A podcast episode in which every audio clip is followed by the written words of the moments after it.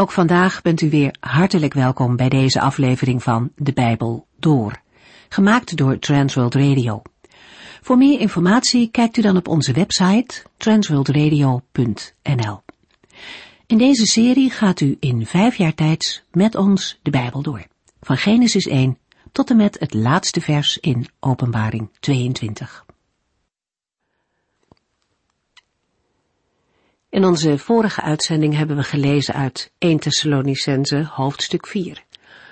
Paulus moedigt de gelovigen daarin aan om zo te leven en zich zo te gedragen dat de Heere er vreugde aan beleeft. Dat deden ze al, maar de apostel roept hen op om daar nog meer in toe te nemen. Paulus legt dat uit met een aantal praktische zaken. Allereerst spreekt hij over het huwelijk. Hij wijst erop hoe belangrijk trouw is in het huwelijk. Overspel en allerlei seksuele zonden raken niet alleen degene die het doet, maar ook andere mensen.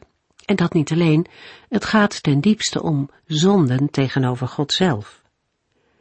Jozef zegt dat heel stellig, wanneer de vrouw van Potifar hem probeert te verleiden.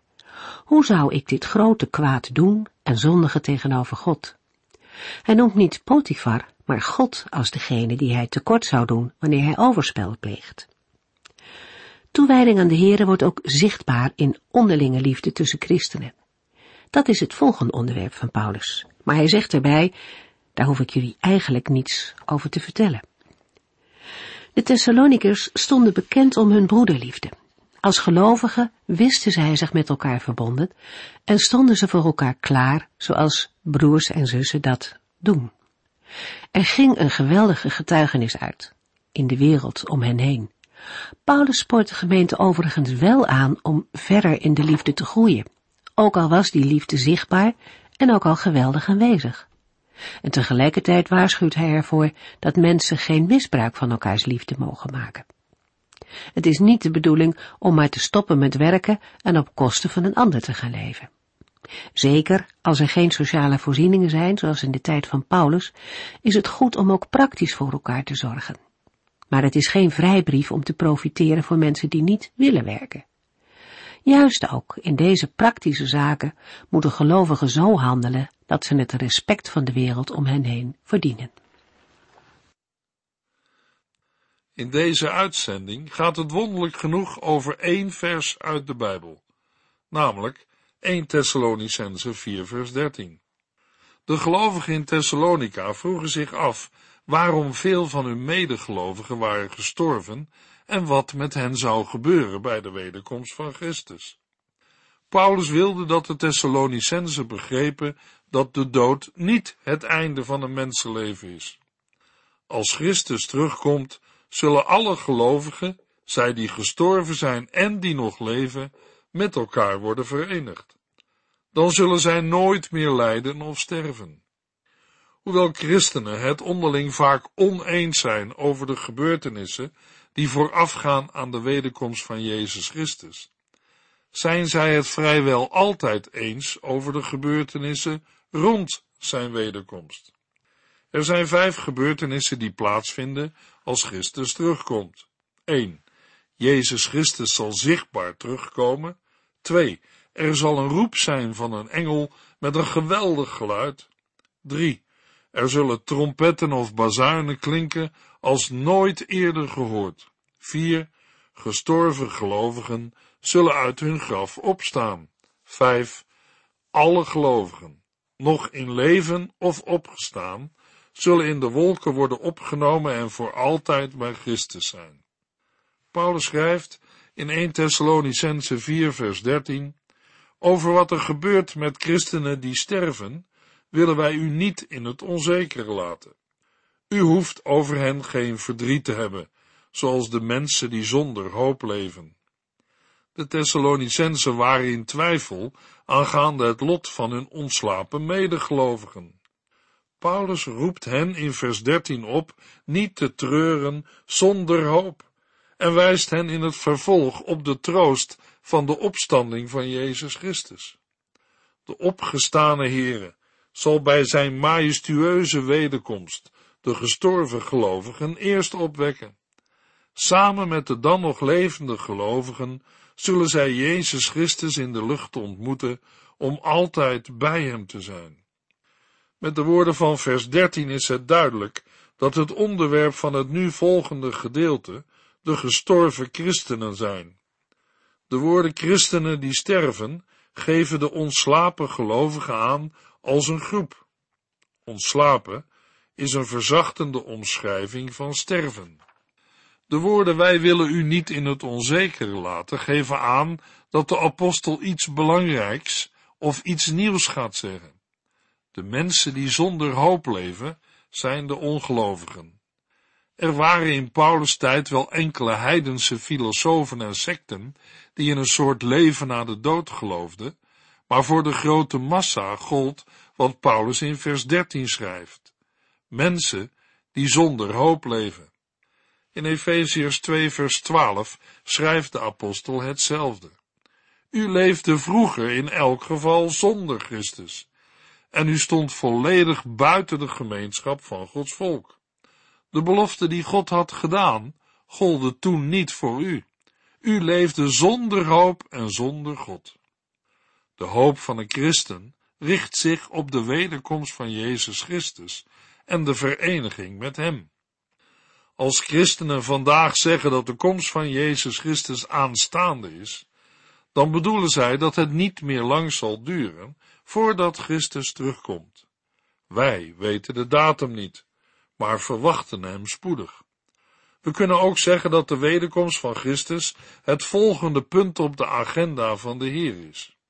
Het is een voorbeeld, maar mogelijk kunnen we dit laatste vergelijken met een vliegreis.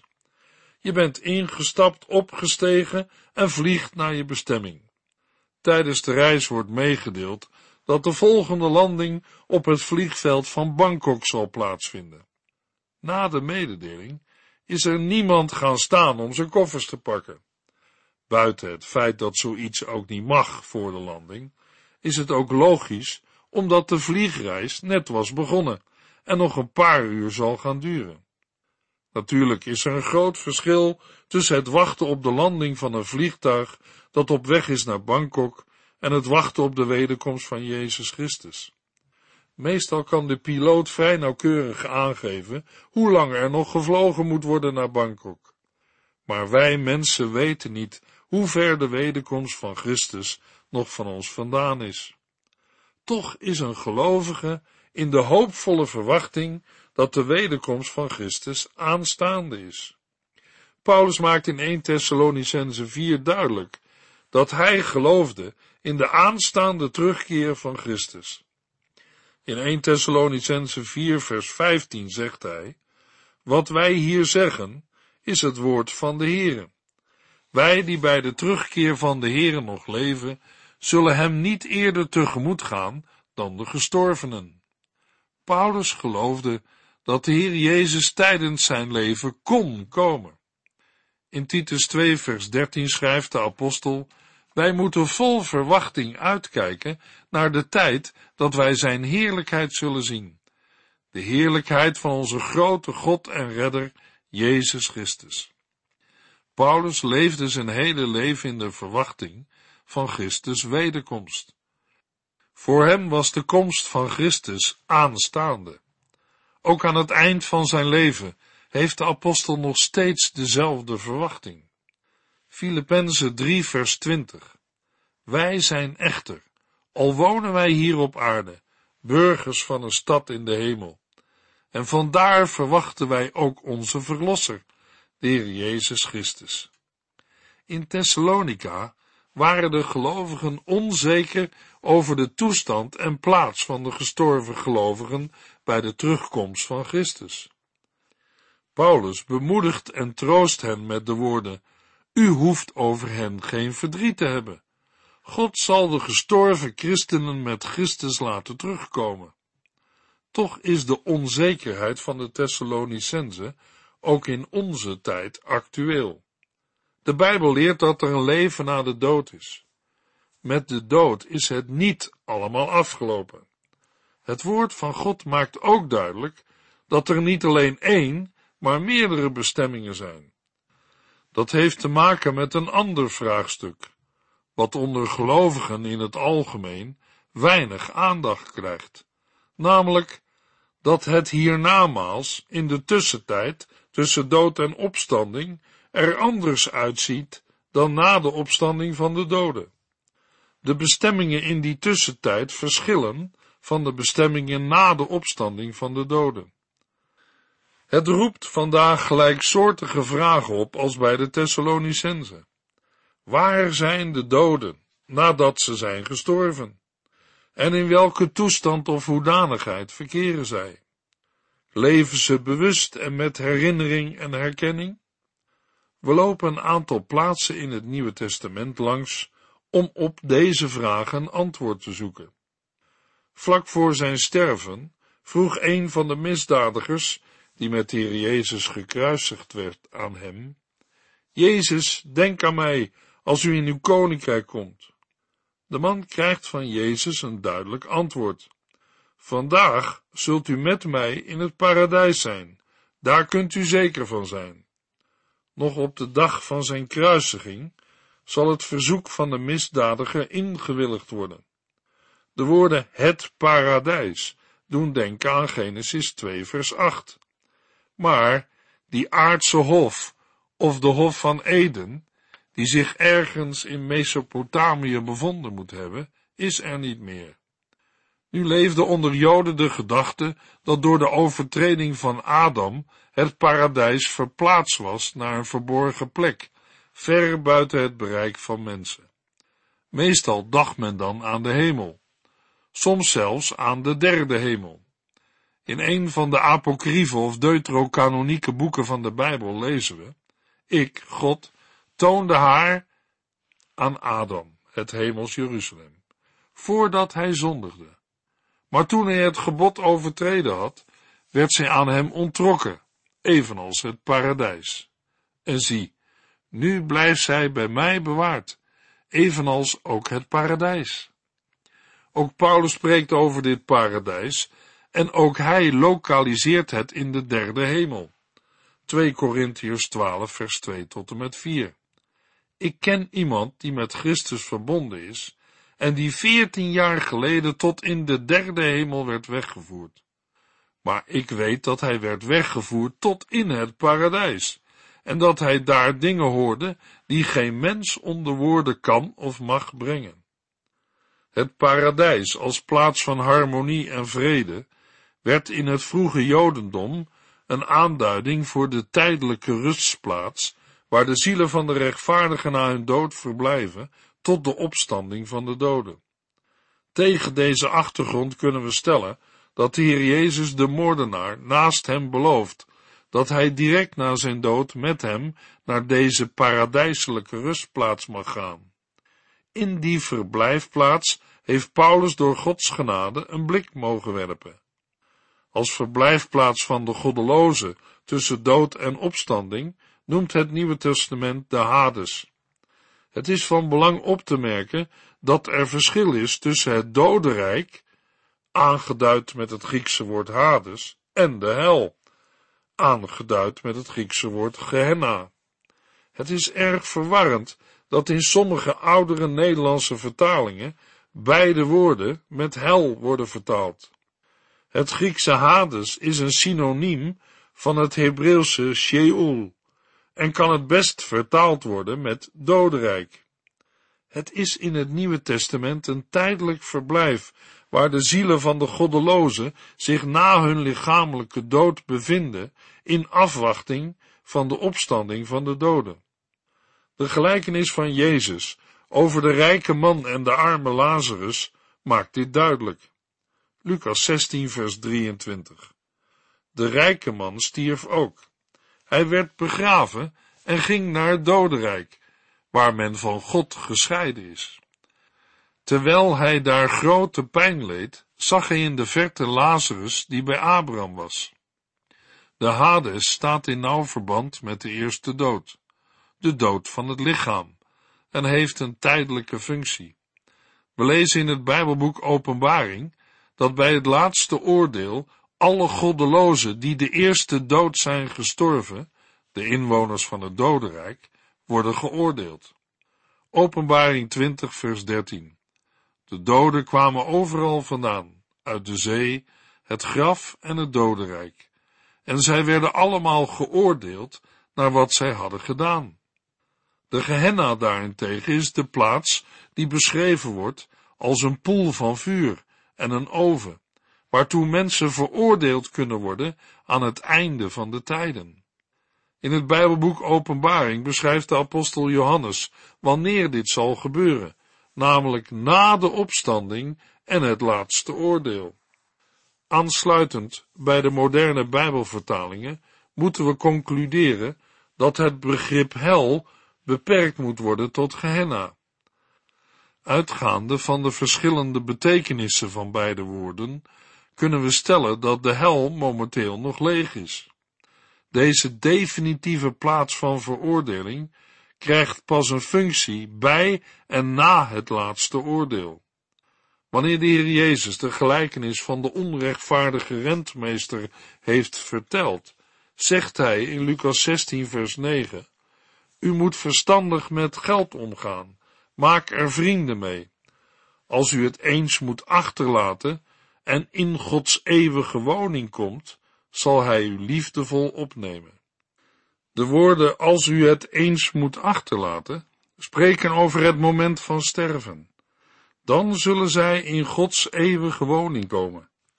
Wat bedoelt de heiland met Gods eeuwige woning? In Johannes 14 vers 2 zegt Jezus, in het huis van mijn vader zijn veel kamers of woningen. Als dat niet zo was, zou ik het jullie wel gezegd hebben. Ik ga er nu heen om alles voor jullie in orde te maken. Uit 2 Korintiërs 5 vers 1 weten wij dat Jezus het dan over de hemel heeft. Maar wanneer zullen de discipelen van Jezus deze kamers of woningen mogen betrekken? In het testament van Abraham, een Joods geschrift uit de eerste eeuw, zegt God bij de dood van Abraham het volgende. Draag dan mijn vriend Abraham naar het paradijs, waar de tenten van mijn rechtvaardigen zijn en de woningen van mijn heiligen.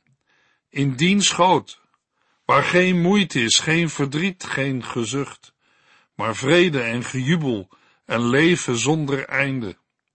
De kamers of woningen die de heiligen direct na hun dood betrekken, worden net als de tenten van de rechtvaardigen gelokaliseerd in de schoot van Abraham. En de Heer Jezus maakt duidelijk dat de kamers of woningen zich in het huis van de Vader bevinden, in de hemel. Het beeld van de boezem of schoot, deel van het menselijk lichaam, komen we in het Nieuwe Testament tegen in het gezegde aanliggen aan iemands boezem of in iemands schoot. Dat wil zeggen aan de maaltijd naast iemand aanliggen. Zo lag de leerling die Jezus beste vriend was bij het avondmaal aan, rechts van Jezus. En lezen we in Lucas 16 vers 22 hoe de arme Lazarus door de engelen bij Abraham werd gebracht. In andere vertalingen lezen we in Abrahams schoot of aan Abrahams boezem werd gedragen. Dat wil zeggen, hij mag met Abraham aanliggen aan het feestmaal van de rechtvaardigen. Het is in de eerste eeuw een vaste benaming geworden voor de plaats van vrede en geluk, waar de rechtvaardigen na hun dood heen gaan. Als Paulus over zijn dood spreekt in Filippenzen 1 vers 22 tot en met 24, zegt hij het volgende. Toch weet ik niet wat ik kiezen moet. Aan de ene kant wil ik graag in dit lichaam blijven en hier nog veel goeds kunnen doen, maar aan de andere kant zou ik graag deze wereld verlaten, om bij Christus te zijn, want dat is toch verreweg het beste. Het is duidelijk dat er van twee kanten aan mij getrokken wordt. Maar, omdat u eigenlijk niet zonder mij kunt, reken ik erop dat ik nog wel enige tijd in deze wereld zal blijven. Sterven is voor Paulus bij Christus zijn. Deze eenheid met Christus beleeft hij nu al, maar hij verwacht dat deze band nog veel intenser zal worden na zijn dood. Daarom zegt hij, deze wereld verlaten om bij Christus te zijn, is vergeleken bij blijven leven op aarde verreweg het beste. In 2 Korintiërs 5 vers 8 zegt Paulus, Daarom zijn we ook niet bang om te sterven. Integendeel, wij zien er naar uit om naar huis te gaan, naar de Here. Het leven bij Christus dat op de dood volgt, noemt Paulus een thuiskomen of een intrekken bij de Here. In 2 Korintiërs 5 vers 1 schrijft de apostel, wij weten dat als ons lichaam sterft, wij een nieuw huis in de hemel krijgen, waar wij altijd mogen wonen. Dat is een huis door God gemaakt en niet door mensen. De tegenwoordige tijd, wij weten, wijst op de zekerheid dat dit nieuwe bestaan gereed ligt op het moment dat het oude aardse zal worden afgebroken. Paulus spreekt zowel over een geborgenheid bij God direct na de dood, als over een latere opstanding van de doden. De twee lijken in elkaars verlengde te liggen. Maar misschien moeten we het meer zien als een tweetrapsverwachting. Een tijdelijke geborgenheid in de hemel bij Christus, die direct na het sterven ingaat, zal gevolgd worden door een opstanding uit de doden aan het einde der tijden.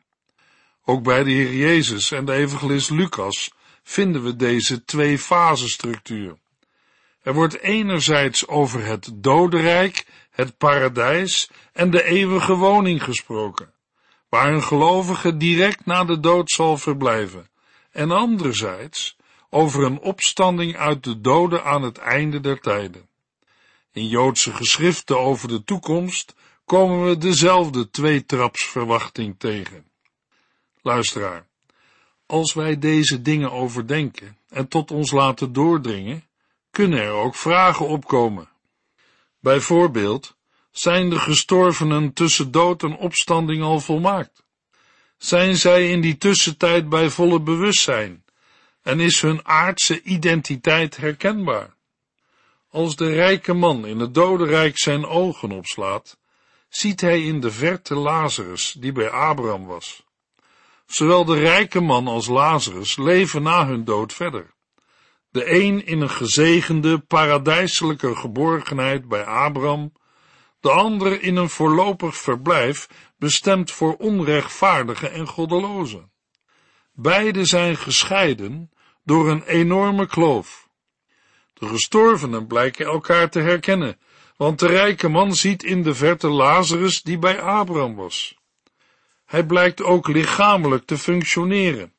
In Lucas 16 vers 24 lezen we, stuur Lazarus hier naartoe, laat hij zijn vinger nat maken en daarmee mijn tong verkoelen.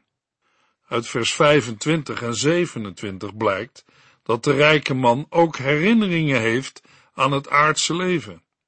Zeker, de Heer Jezus vertelt een gelijkenis, maar dat betekent niet dat wat hij in Lucas 16 vertelt geen werkelijkheid is. Gelijkenissen zijn geen fabels, maar reële voorbeelden uit het dagelijks leven met een geestelijke les. Het Bijbelboek Openbaring spreekt nog duidelijker over de hemelse situatie van de gelovigen tussen dood en opstanding. In Openbaring 7 mag Johannes in de hemel kijken. Hij mag in een gezicht het moment zien dat een ontelbare menigte mensen uit alle rassen, volken, stammen en taalgroepen staan voor de troon en voor het lam. Dan zegt een van de ouderlingen tegen Johannes dat deze mensen uit de grote verdrukking komen. Over hen lezen we in Openbaring 7, vers 15 tot en met 17. Zij staan voor de troon van God en dienen hem dag en nacht in zijn tempel. Hij die op de troon zit, zal bij hen wonen. Zij zullen geen honger of dorst meer hebben en ook niet meer door de brandende zon en de verzengende hitte gehinderd worden, want het lam, dat voor de troon staat, zal hun herder zijn en hen naar de waterbronnen van het leven brengen. En God zal alle tranen van hun ogen afwissen. In de eerste plaats merken we op dat er gezegd wordt dat deze mensen uit de grote verdrukking komen. Hun aardse identiteit is bekend. Verder zien we dat er activiteit in de hemel is. Zij dienen hem dag en nacht in zijn tempel. Het dienen van de Heere gaat door. Hoewel de genoemde zegeningen overeenkomen met die in het hemels Jeruzalem op de nieuwe aarde, is de hemelse situatie toch een voorlopige. De opstanding van het lichaam en de nieuwe aarde liggen nog in het verschiet. Het voorlopige van het hemelse leven tussen dood en opstanding wordt ook benadrukt in Openbaring 6 vers 9 tot en met 11, waar we lezen dat Johannes onder het altaar in de hemel de zielen ziet van hen die vermoord waren, omdat zij de boodschap van God geloofd hadden en daar openlijk voor waren uitgekomen. Zij riepen luid, U bent een heilige heerser en u houdt uw woord. Hoe lang duurt het nog voordat u wraak neemt voor wat zij ons hebben aangedaan? Zij kregen allemaal een wit kleed en hun werd gezegd dat zij nog even moesten wachten. Eerst zou het aantal mededienaren en broeders en zusters dat ter wille van Christus gedood zou worden, voltallig moeten zijn. Johannes spreekt over de zielen die in de hemel zijn. Maar het zijn wel zielen die kunnen roepen en bidden. Ze zijn blijkbaar bij hun volle bewustzijn. Ook hebben ze deel aan de zegeningen en de bestaanswijze van het hemelse leven, wat blijkt uit het witte kleed dat ze ontvangen. Maar nergens blijkt duidelijker dan hier dat zij de uiteindelijke volmaaktheid nog niet genieten. Zij moeten nog even wachten. Het volmaakte kompas met de opstanding van het lichaam en de nieuwe aarde. 1 Thessalonicense 4 vers 13, waar we lezen, over wat er gebeurt met christenen die sterven, willen wij u niet in het onzekere laten. U hoeft over hen geen verdriet te hebben, zoals de mensen die zonder hoop leven. Stil maar, wacht maar, alles wordt nieuw. In de volgende uitzending lezen we 1 Thessalonicense 4 vers 13 tot en met 18. U heeft geluisterd naar De Bijbel Door, in het Nederlands vertaald en bewerkt door Transworld Radio. Een programma waarin we in vijf jaar tijd de hele Bijbel doorgaan. Als u wilt reageren op deze uitzending of u heeft vragen, dan kunt u contact met ons opnemen. Tijdens kantooruren kunt u bellen op 0342 47 8432. 0342 47 8432. Ook kunt u een e-mail sturen naar de Bijbel door at transworldradio.nl en natuurlijk kunt u ook via de post ons bereiken.